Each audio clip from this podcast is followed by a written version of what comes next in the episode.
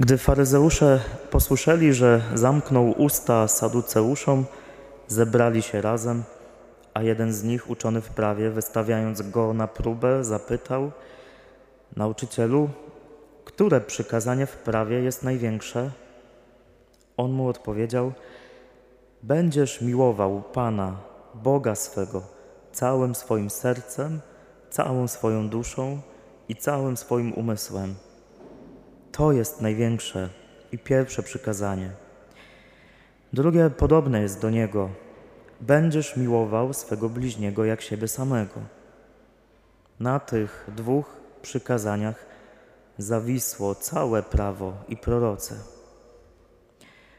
Oto słowo Pańskie.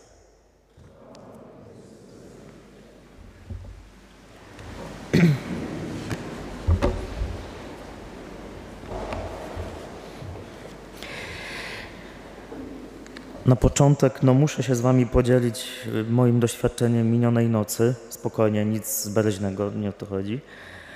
E, wczorajszy wieczór i wczorajszą noc spędziliśmy i w Palotyńskiej Dolinie Miłosierdzia, a potem większą część, część na Jasnej Górze u Paulinów. Przeżywaliśmy palotyńskie czuwanie młodzieży. Między innymi byliśmy tam ze scholą, więc jak dzisiaj trochę im coś nie wyjdzie, to dlatego, że nie dospani. E, cudowne, cudowne czuwanie. E, ale kiedy to, te czuwania razem z księdzem Marcinem, powołaniowcem z drugiej prowincji przygotowujemy, to my to zazwyczaj planujemy kilka miesięcy do przodu, czasem rok do przodu i po prostu sobie siadamy nie, przy kawie. No i mówimy, Marcin, no jest czuwanie na jesień, e, trzeba by było pomyśleć nad jakimś mm, tematem, jakąś taką myślą przewodnią. No i kiedy planowaliśmy to wczorajsze, no to po prostu sobie usiedliśmy właśnie przy kawie, chyba przy kawie i stwierdziliśmy, że będzie ono miało swój określony y, temat. Kompletnie nie patrzyliśmy na Boże Słowo. E, ja do wczorajszego momentu mszy świętej, która była o północy, nie wiedziałem, jaka jest Ewangelia. E, bardziej mnie wczoraj interesowało to, żeby pojechać po Bigos, potem go podgrzać, żeby ogarnąć nagłośnienie, ogarnąć zespół i, i mnóstwo innych rzeczy, żeby wszystko, wiecie, było dopięte na ostatni guzik, nie? To jakby dla mnie było najważniejsze. Może trochę słabe, że akurat to. No i przyszła msza święta i była ta Ewangelia. Jak ja usłyszałem, że jest ta Ewangelia, to ja miałem ochotę w tej kaplicy po prostu zacząć się drzeć, bo po prostu aż mnie dreszcze przeszły. A wiecie dlaczego? Bo temat tego spotkania, które zaplanowaliśmy kilka miesięcy temu, nie wiedząc jaka jest w ogóle Ewangelia, brzmiało kochaj. I jak ja usłyszałem tę Ewangelię, to po prostu mnie dreszcze przeszły, bo zobaczyłem po raz kolejny, że Boże Słowo jest naprawdę żywe, że Pan Bóg nas totalnie wyprzedza w naszych planowaniach, e, w naszych pytaniach i, i, i to wczorajsze dla mnie Boże doświadczenie to w ogóle było jedno z kilku. To jakbyśmy tak wyrwali teraz niektórych ludzi z duszpasterstwa czy z choli, też mogliby dać, dać, dać świadectwo, jak wiele Bożych rzeczy się wydarzyło. Dla mnie to doświadczenie było takim potwierdzeniem, że Pan Bóg naprawdę daje konkretne odpowiedzi, że naprawdę warto Mu zaufać, że jak żyjesz Bożym Słowem i zaufasz Bogu, to On będzie dawał Ci konkretne odpowiedzi. No miazga, to ciągle się tym jaram. Nie wiem, czy się, Ty też tym jarasz, kiedy o tym mówię, ale ja ciągle tym żyję. No dla mnie to jest niesamowite, że to tak zadziałało. Naprawdę nie robiliśmy sobie spoilerów. Pan Bóg zadziałał. I, I, dzisiaj to słowo to jest słowo właśnie o tym: kochaj. Jak masz żyć, jak mam żyć, co jest w życiu istotne, na czym się skupiać, co, co jest ważne? No, miłość. Co mam robić w życiu? Mam kochać. Co masz robić w życiu? Masz kochać. O tym jest to słowo. I, i na, wokół tego się na chwilę y, zatrzymajmy. Jezus konfrontuje się e, ze swoimi, no nazwijmy to tak, przeciwnikami, chociaż myślę, że Jezus ich tak miał do nich sympatię. Jezus nikogo nie hejtował, ale często się ścierał z faryzeuszami, z tą specyficzną grupą religijną, e, która na pytanie, jak żyć, odpowiadała sobie różnymi e, nakazami, zakazami. Faryzeusze, faryzejska religijność skupiała się wokół 613 bardzo drobnych i ogólnych y, zaleceń, nakazów, zakazów, i to było dla nich najważniejsze. Tego było multum. Niektóre z nich były bardzo mądre. Na przykład słyszeliśmy je dzisiaj w pierwszym czytaniu. To już tam sobie wróćcie do tego. Ale to jest bardzo mądre, co tam było. To, to nie są pierdoły. Ale też były bardzo dziwne. Na przykład był zakaz jedzenia ścięgna stawu biodrowego. Jakby dziwne, nie? Były nakazy też bardzo takie, no, rozwojowe. Nakaz bycia płodnym i rozmnażania się, nie? Też fajne. Z tym się łączy fajność. Ale oni skupiali wokół tego swoje życie i 365 z nich, co ciekawe, to były zakazy. Jak wczoraj, bo za mną ksiądz Przemek, on miał homilię w nocy, trochę od niego tak ściągam, ale tylko troszeczkę. O, wczoraj Przemek mówił, że wiecie, na każdy dzień jeden zakaz. 248 to były nakazy. Ich życie, ich religijność, ich odpowiadanie na pytanie, jak żyć, kręciło się wokół tego, czego nie wolno, co wolno, co muszę, co powinienem. I żeby jeszcze trochę bardziej rozjaśnić, to tutaj mały komentarz, mały cytat. Postawione przez nich, przez faryzeuszy, pytanie było przedmiotem gorących dyskusji pomiędzy rabinami, bowiem judaistyczna egzegeza wyodrębniła story aż, aż 613 przykazań w tym 365 zakazów, 248 nakazów. Pierwszą liczbę kojarzono z liczbą dni w roku, drugą zaś z liczbą kości w człowieku. Tak se wtedy liczyli. Nie trudno odczytać symboliczną wymowę tychże liczb. Prawo Boże ma przenikać i kształtować każdą cząstkę ludzkiego życia. Usiłując uszeregować jakość te przykazania, dzielono je na wielkie i małe, ciężkie i lekkie, ogólne i szczegółowe – Podstęp zawarty w pytaniu uczonego w piśmie mógł polegać na chęci uwikłania Jezusa w kazuistyczną dysputę i postawienia go w roli jednego z wielu nauczycieli, interpretatorów Tory. A co Jezus robi? On pokazuje, że on nie chce interpretować prawa, tylko je wypełnić. Jezus pokazał, że podstawą, punktem wyjścia i celem ma być po prostu miłość.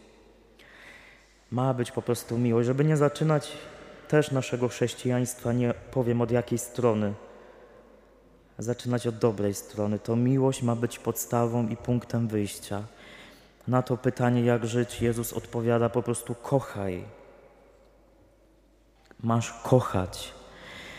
I w tym słowie ja widzę taką Jezusową zamianę tej faryzejskiej mentalności, co powinienem, czego nie powinienem, co mogę, czego nie mogę zamienia się na kocham, dlatego robię to albo nie robię tamtego.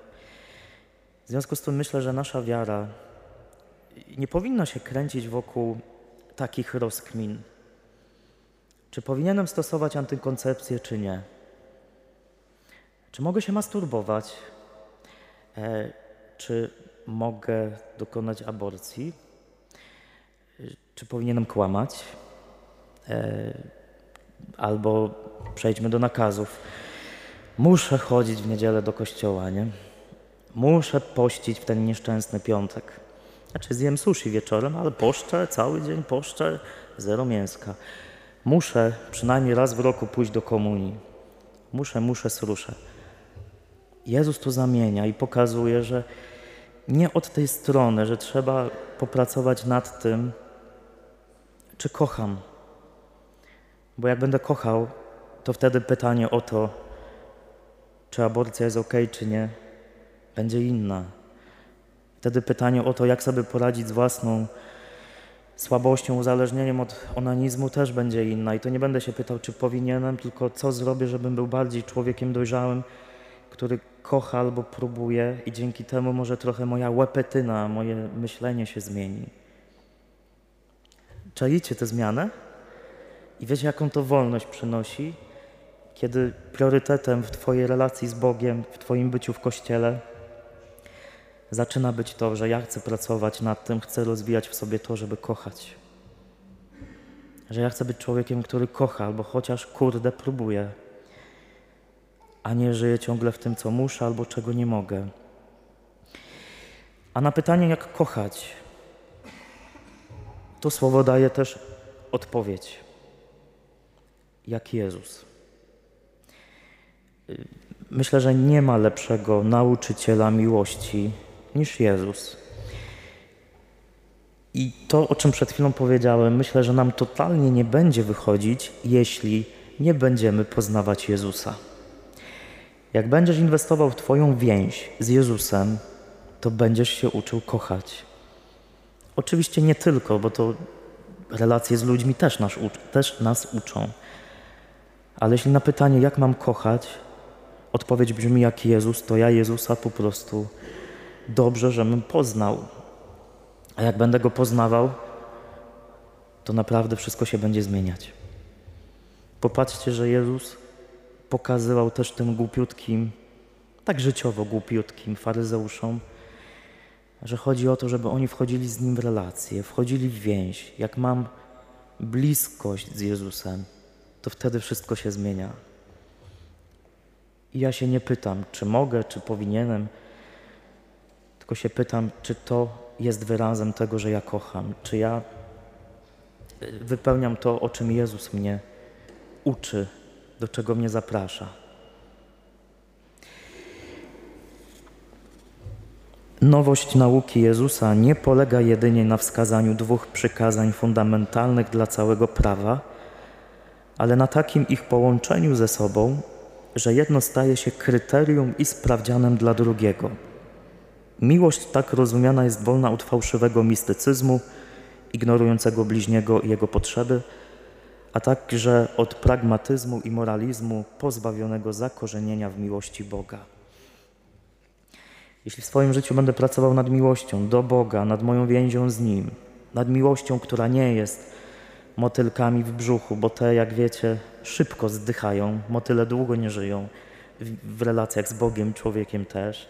Jeśli będę dbał nad moimi więziami z ludźmi i też będę dbał nad więzią samym sobą, wszystko będzie się układać. Jeśli z jakiegoś powodu może dzisiaj naprawdę masz dość kościoła, też o tym mówiliśmy wczoraj na czuwaniu, to może taka diagnoza z tego słowa płynie. Jeśli Twoje chrześcijaństwo Ci nie za bardzo działa, nie za bardzo trybi, to dlatego, że zaczynasz je od strony. Aż mi kodzi, żeby to powiedział, nie powiem bo brzydko.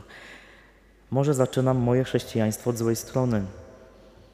Od tego, że coś powinienem, coś muszę, a kwestię rozwijania w sobie postawy miłości zostawiam tam na kiedyś, kiedyś, kiedyś.